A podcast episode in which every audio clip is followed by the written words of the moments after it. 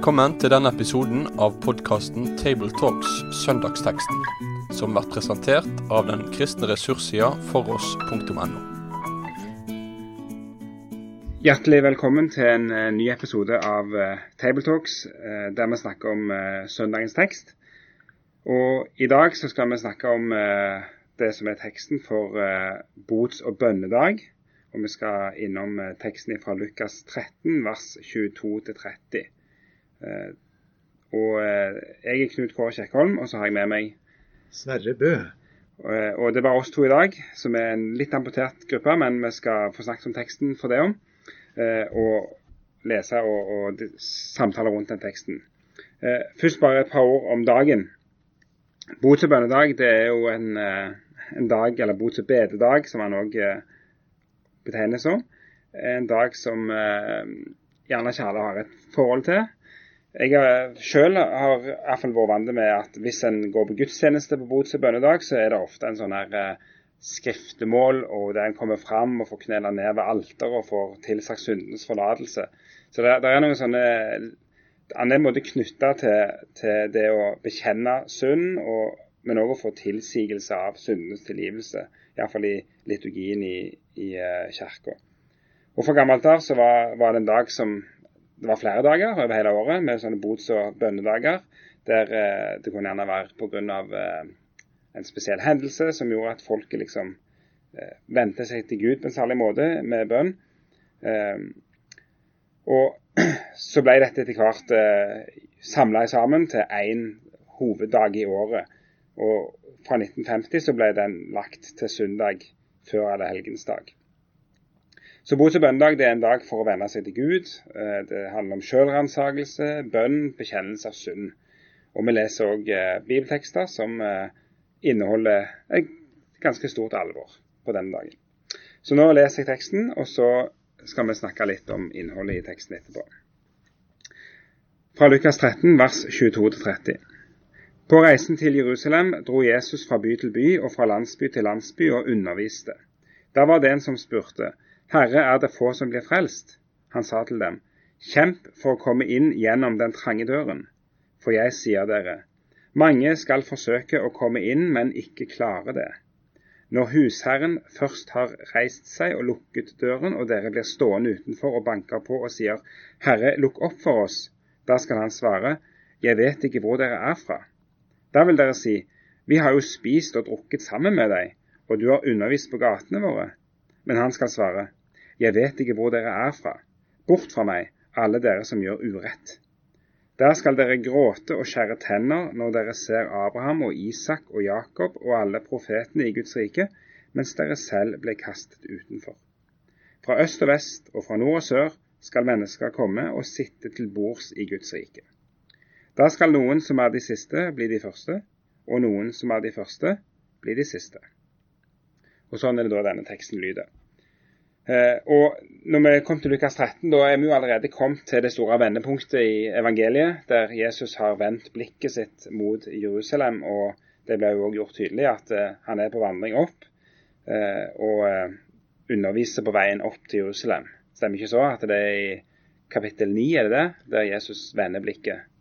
Ja, det er det. Og det er veldig lærerikt å se evangeliene alle sammen. Litt i det lyset som du sier nå. Mm. For det er en sånn grunntone som får en litt annen klang halvveis ute i evangeliene. Fra Peters store bekjennelse, hvor Jesus da responderer og sier at han vil bli overlatt til lederne for å dø, så får alle evangeliene et litt annet preg. Jesus vender seg mest til sine egne disipler. Mye om disippelskap og etterfølgelse. Og han preges av at han selv har satt blikket mot det han vet blir korsdøden. Mm, stemmer. ja. Så det er en, en slags lesenøkkel, nesten, kan vi gjerne si. Iallfall i Lukas, for det, det, er så tydelig ganske tidlig at han gjør det. Og så som Lukas flere ganger refererer til at han er jo på vei til Jerusalem. Så der, ligger en liten sånn en, uh, hint til oss at husk på hele tida at det er det som er rammen for det som skrives. Og Det skriver Lukas veldig uttrykkelig en fire-fem ganger underveis. Mm. Når nå Jesus hadde blikket vendt mot Jerusalem, så slik og slik, mm. Så den salmen som heter 'Se, vi går opp til Jerusalem', Mm. den skulle vi i grunnen synge litt hele året, for den, den gir en grunntone. Både av Jesus som vårt, som vårt eh, stedfortreder og lammet, men også det alvoret som ligger i det. Mm. Stemmer.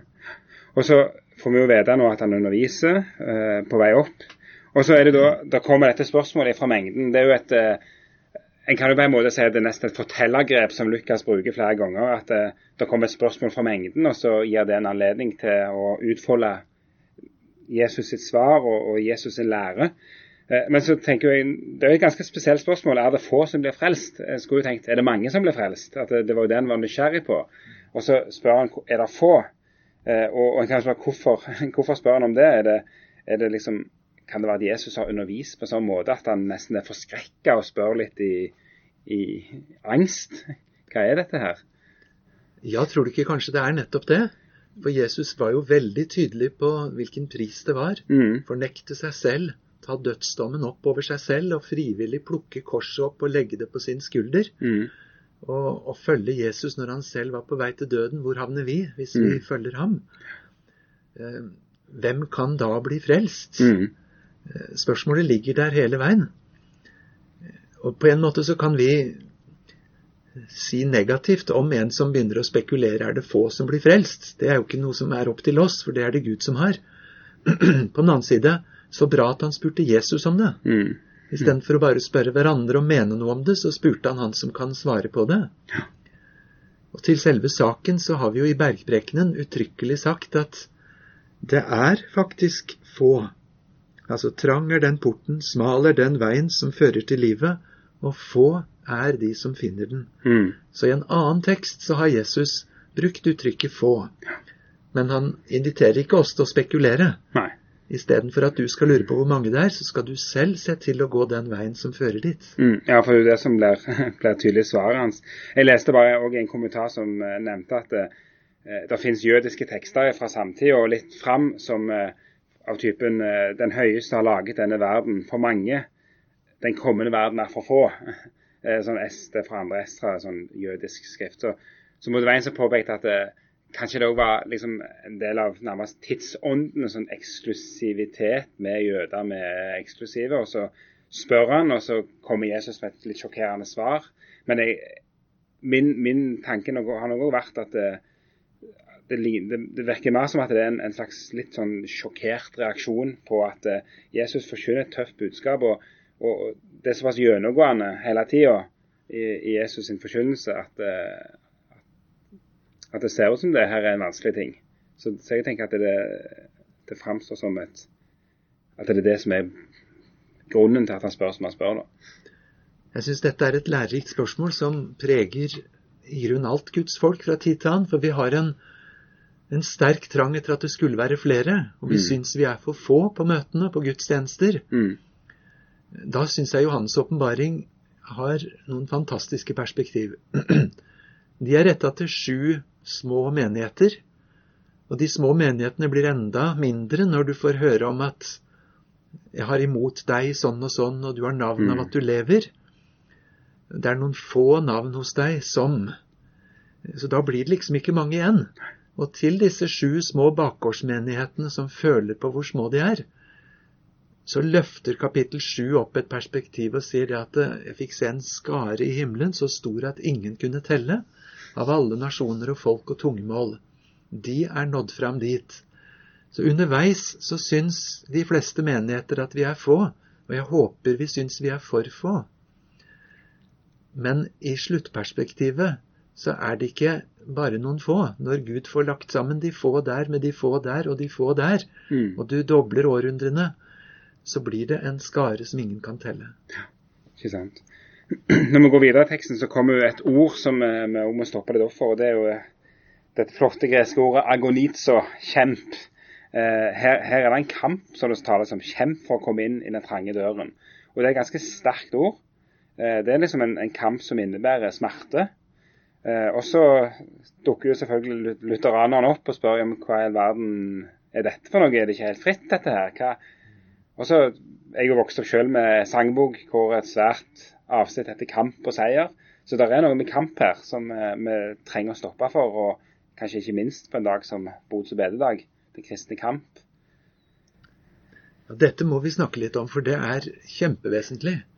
Det er jo sånn som vi heldigvis som lutheranere har fått høre mange ganger. At vi skal få komme tomhendt Mm. og ta imot for ingenting. Derav er nåde fra begynnelse til slutt. Mm. Og det er Jesus som er troens opphavsmann, og det er han som er fullenderen, og alt underveis. Og hva skal jeg da finne på? Hva, hva trengs av min innsats? Mm. Og så kommer alle disse tekstene inn som sier det at vi skal kjempe. Mm. Arbeid er det, deres frelse med frykt og beven. ja, ja sånn. Filipperne 2, 12 Ja. og 13. Mm. Kjempe Ja. og beve Mm. eh, og frykt. Mm. Eh, og det er altså om vår frelse. Ja. Eh, Men så står det i verset etterpå fordi det er Gud som virker i oss, både å virke og ville etter Hans gode vilje. Så rent logisk sånn på måten vi er vant med til X-Fill, så, så går det ikke helt sammen. Nei. Vi skal arbeide med frykt og beven på vår frelse fordi det er Gud som gjør at både vi vil og vi gjør det. Mm. Men, men dette møter oss mange steder i Bibelen. For Jesus er jo han som også har sagt 'Kom til meg, alle som strever og har tungt å bære, jeg vil gi dere hvile'. Og nå sier han 'Vi må kjempe'. Og som du sier, Knut Kåre, dette verbet på gresk er et virkelig sterkt verb, som ikke brukes så veldig mange ganger. Vi får høre om det i forbindelse med bønnekampen som Paulus og medarbeiderne har for de troende. Vi kjemper i bønn til Gud. Og så får vi høre om de som skal bli olympiske vinnere, hvor det ikke er nok å delta, men å vinne prisen. Mm. De må virkelig kjempe. Og så skriver Paulus til Timotius at kjemp den gode strid. Eh, Den virkelige fighten, altså. Nikjempe. Mm. Og så er det et vers jeg er veldig glad i, som er eh, sånn hobbyjogger. Jeg løper ikke fort, men jeg løper lenge og langt. Og det er vel det hebreerne 12 også sier. At vi skal Mm. holde ut i det løpet som er satt foran oss. Og da må vi ha blikket festa på Jesus. Ikke på egne muskler og egen eh, rekordliste, men på Jesus. Det er et langløp, et maratonløp, men det er en kamp. Så vi må mobilisere. Mm. Så her er vi ved en merkelig dobbelthet. Alt er av nåde, vi får hvile i frelsen. Og samtidig så er det ingen kamp som er mer verdt å mobilisere for Mm. enn denne kampen. Og det sies jo at det er noen som forsøker og ikke klarer det. Og kanskje det henger sammen med det som Paulus skriver i Romerbrevet om, om eh, sitt eget folk som eh, prøver å vinne rettferdigheten eh, ved hjelp av gjerninger, og dermed ikke oppnår rettferdighet. Om det, om det er gjerne det som ligger i det. At det, det å kjempe denne kampen, det, den kan gjøres på en måte som mislykkes, og kan gjøres på en måte som lykkes. Og gjerne så koker det nesten Jeg har ofte tenkt på den eh, Jakobs kamp med Guds engel, og der Hosea tolker den teksten eh, og sier at han gråt og ba om nåde, og da var han vant mot engelen. Så måte, det å vinne denne kampen handler jo faktisk òg om å komme til Jesus. Da. Det, er ikke, eh, det er ikke en kamp som handler om hva hva fortjenester jeg klarer å oppnå, men det handler om, om på et eller annet vis å kjenne han, for det er jo det som må komme videre her. Jeg vet ikke hvor det kommer fra. Eh, det, noe, det handler om en relasjon, en kjennskap her, virker det som, i denne, denne kampen. Ja, det er så sant. Det er et fantastisk tekst, den du har ifra, om Jakob der, fra Mm. første Mosebok, som Hosea hjelper oss til å tolke. At da han ba om nåde, så fikk han det. Mm. Og jeg følger så den tanken du er inne på med, med det å kjempe på lovens vis i forhold til å kjempe på evangeliets vis, som gjør hele forskjellen. For det er jo Paulus som skriver om dette i Romerne 10. Mm. Han sier at mine landsmenn jødene, de kjemper og kjemper med nidkjærhet. Men det blir dem jo ikke til frelse. Hvorfor ikke? Er iveren for liten? Nei, sier han, men de vil ikke underordne sin rettferdighet under Kristus. Mm. Det er samme ordet for å underordne som vi kjenner fra kontroversielle tekster til mann, kvinne og til unge eldre og overfor myndigheter og sånn. Å plassere min rettferdighet under Jesus sin. Og det gir et helt annet lys over denne kampen. Mm. Jeg kjemper ikke for å prestere. Det er altså ikke bot- og bedringssøndagen, Mm. men det er bot- og kapitulere-søndagen. Mm. Og be. Bot- og bønnedag. Bønnen med de tomme hender som retter seg mot Jesus. Mm. Og det syns jeg gir evangeliets overlys over det. Ja, og det er jo et veldig viktig poeng. At det er faktisk ikke bot og bedrings, men det er bot og bedre. Og, og eh, som vel vi lærte av Luther, altså bod er anger og tro. Så det, angeren er én ting, også, men, men medisinen videre er altså tro, ikke, ikke nødvendigvis eh, det å Ikke at det ikke skal være bedring, men, men det, er ikke det, som, det er ikke det som gjør Jeg må komme til tro, og så skjer bedringen i, i troens lys. Og det er en viktig sak, da. Ja, dette har Luther forklart på så mange spennende måter. En av dem er at han gjør en spennende sammenligning mellom Judas Iskariot og Peter. Mm. Og så spør han hvem syndet verst. Mm. Ja, det er ikke godt å si. Uavgjort. Hvem angret mest? Ja, Det var vel kanskje Judas, for han angret så mye at han klarte ikke å leve videre med det. Mm. Men hvordan kunne da Peter bli frelst og Judas ikke? Og da kommer nettopp Luther til poenget sitt at Peter fikk komme til Jesus med sitt nederlag. I det ligger troen. Mm. Men det var altså ikke angeren som kvalifiserte ham, men det var det at angeren drev ham til Jesus. Og så sier Luther sånn er det egentlig med Saul og David òg. Hvem som syndet verst, det er ikke godt å si. Mm. Og hvem som angret verst, er heller ikke godt å si. Men Saul parkerte i sin egen anger, mens David brakte den fram for Gud. Mm. Og så ble det ham til frelse. Så det er ikke bot og bedring søndag, men det er bot og kapitulere søndag. Mm. Absolutt. Og så får vi jo da eh, dette voldsomme dramaet i teksten, som, som, er fra vers 25. Som eh, i en eh, tekstkommentar som ligger på foross.no, som Odd Sverre Hove kalte for eh, 'Samtale ved en stengt dør'. Eh, og, og, det skal få fram litt av denne det litt intense i, og, og, dramatikken i det. At her står det noen ut forbi. Husherren har lukket døra. De banker og får da dette veldig tøffe svaret. Jeg vet ikke hvor dere er fra, og det sies jo to ganger til og med. Og så ble de jo bedt om å gå vekk til slutt, og, og, og er stengt ute fra Guds rike og stengt ute fra frelsen. Så, så, her får vi vel egentlig det som eh, når jeg vokste opp, eh, som ble kalt for nådetid av i, i uh, forkynnerne snakket om det er nådetid. Det er en tid hvor Gud kaller, og hvor Gud på en måte la oss si, er tilgjengelig. Eh, og så er det en tid hvor døra er lukka, og hvor faktisk eh, det, er, det, er, for seint. Eh, og om den nådesida er dødens terskel, eller om den skjer før dødens terskel, det var noe som alltid ble lagt fram som en alvorlig ting som var litt åpen. Vi kunne gjerne ikke vite det. Det kan være at kallet slutta, sa de. Eh, og, og, her ligger det en, en veldig sånn tungt alvor i teksten. da. Ja, det er et kjempealvor, og den ligger i teksten selv. Til dette spørsmålet om nådetiden kan være kortere enn levetiden, så vil jeg si at jeg syns det er en farlig spekulasjon Mm. å gi seg i kast med. Jeg har møtt mennesker som kjenner seg kalt av Gud, men som er blitt fortalt at nådetiden er kortere enn levetiden, og så tror de at nå Mm. er det for seint for meg, fordi jeg ikke den gangen da tok imot. Mm. Da ligger det meg på hjertet å lese Bibelens ord som sier i dag er nådens Mm. tid. I dag er Gud å finne. Og det er viktig. Mm. Så jeg var syns det er en litt farlig spekulasjon å, Mm. å gå på det. Men poenget er at på et tidspunkt så er livet slutt, og Mm. dommen er der. og da er det et utenfor og et innenfor. Og det lyder jo med et voldsomt alvor her. Det der gjør. Og eh, dette Jeg vet ikke hvor dere er fra. så det, det ordet der De sier jo på, en, på sin side at de har hatt kontakt med, har å spise og drukke med deg. Du har vært på gatene våre, vi har måttet vært i lag, men, men han avviser dette kjennskapet. og Det ligner vel gjerne litt på det, det som vi leser i Matteus 7, eh, når, når, Jesus eh, i bergprekka der bruker den samme sammenligningen om, om de som, eh, som kommer og sier at vi har drevet under og vi har gjort under og tegn og, og mektige ting, og så kjenner dere. At det, det er det samme som, som foregår her. at eh, en har nærmest innbilt seg sjøl at eh, en hadde kontakt, og at en kjente han, og så var det ikke sånn allikevel. da. Dette er jo det som har fått det klassiske ordet selvbedrag, og som det ble talt mye om før i tida, og som mange steder i Bibelen er framme, gjennom Det gamle testamentet. Altså Man lurte seg selv til å tro at alt er greit. Mm. Profetene måtte stå opp én etter én eh, og advare og si at sånn ser ikke saken ut fra Guds synspunkt, så dere må vende om.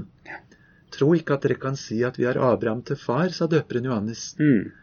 Eh, og det er noen sånne unnskyldninger som vi lever på, og som blir avslørt til slutt. Og det følger oss jo like inn i Johannes' åpenbaring. I åpenbaringen 23 så står Mm. Jesus på utsiden av sin egen menighet Nå sier han står utenfor menigheten, men han banker fortsatt på døra. Hvis det enda er noen i den menigheten som kaller seg med Jesu navn, som hører at han står der, og som er villig til å åpne døra, så vil Jesus så gjerne komme inn. Men det er jo et veldig sårt tekst Mm. at han står på utsiden i sin egen menighet. Og særlig fordi det står vel i starten av, av, av beskrivelsen at det, jeg har alt, jeg mangler ingenting. Eh, sitter de inne, inne og sier. Og så står han ut forbi. Så det er jo et, et selvbedrag. Mm. Til det bildet der av å stå ved en port og ikke komme inn, så er det et av de sterke minnene jeg har etter min far. Han døde da jeg var en tenåring, så det, jeg har i grunnen hørt han tale bare som barn. Mm. Men han var misjonær først i Kina noen år, og siden i Japan. De åra i Kina så var det krig i Kina. Den andre verdenskrig var over, men krigen mellom det gamle regimet, også Mao, fortsatte. Men i tillegg til den fronten så var det en masse røvergrupper som herjet ganske voldsomt, og som plyndret uavhengig av hvilken side ved krigen man sto. På det tidspunkt var far min fortsatt ugift, og han ble den som ofte evakuerte misjonærer fra et by til en annen. Og mange ganger var reisen ganske farlig og strevsom. Han kjørte den lille jeepen, og han hadde med seg kvinner og barn som skulle i sikkerhet. Men så hendte det at veiene ble stengt, eller flom hindret dem å komme over, eller røverbander gjorde at de måtte snu. Og så skjedde det faktisk flere ganger at da de omsider i nattemørket nådde fram til den byen de skulle til, så var byporten stengt, og så kunne de ikke komme inn. Og så var de ti meter ifra tryggheten inne, men de visste at røverne luska i buskaset bak dem, og det var fryktelig fristende å gå løs på disse utlendingene som de tenkte hadde verdier. Det øyeblikket av å stå og banke på en port og bli avvist, Mm. og være overlatt til den sterkestes rett med røvere rundt seg, det gjorde et kjempeinntrykk på ham. Mm. Jeg husker han sto og småsnuf, småsnufsa eh, når han sto på talerstolen med dette. Hadde kanskje med seg misjonærbarn som hadde vært skilt fra foreldrene lenge pga. skolegang. Nå skulle de komme hjem og få feire jul, og så kunne de ikke slippe inn i den byen der de skulle være. Den utryggheten satte seg i ryggmargen. Eh, Jeg har nylig fått lese igjen brevene som far min skrev hjem til sin forlovede, som da ble min mor, om disse opplevelsene, og det er utrolig sterkt. Og Likevel så blir dette bare på et menneskelig plan i forhold til konsekvensene teksten handler om, med en hel evighet. Mm. Å bli stående ved en stengt port og vite at jeg trodde jeg var på vei dit, og så tok jeg feil. Det ligger et vekkelsesalvor i det til oss som kaller oss med Guds navn, om ikke å slå oss til ro med å ha navn av å leve, men at det må være Han som sier så. Ja, og ikke minst det at det, en port er ikke så veldig tjukk.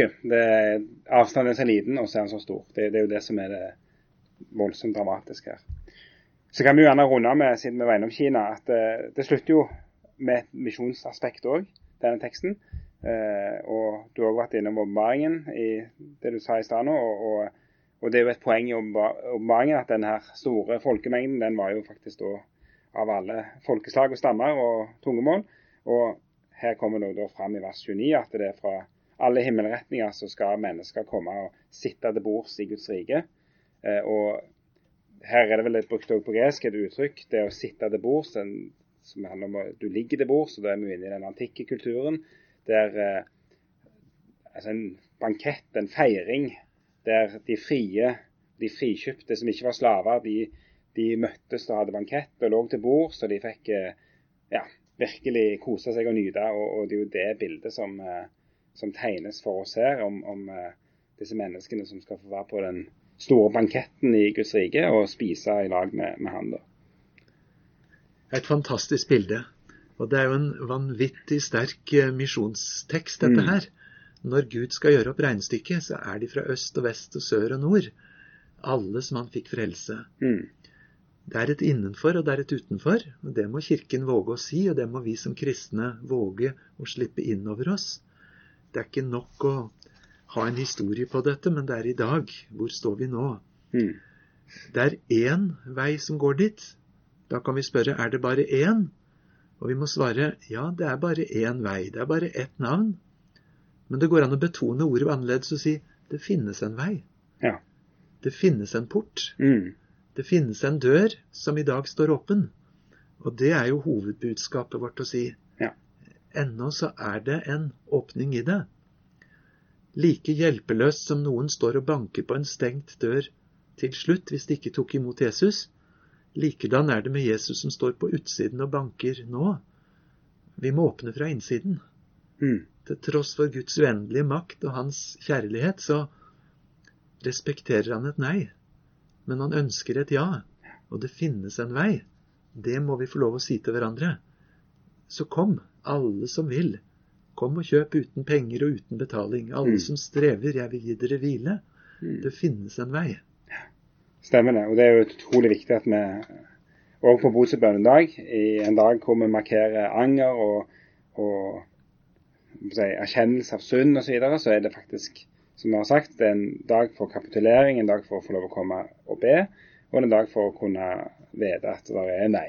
Og Det er jo viktig også i en forkynnelse at en får det fram i tillegg, så det ikke bare blir så, det, så det ikke blir et evangelieløst eh, domsbudskap som, eh, som får lyde. da. For det, vi trenger virkelig å få høre at det er en vei til. Det, det er viktig for oss. Hvis du skulle talt over teksten, Sari, hva ville vært din uh, hovedsak, tror du?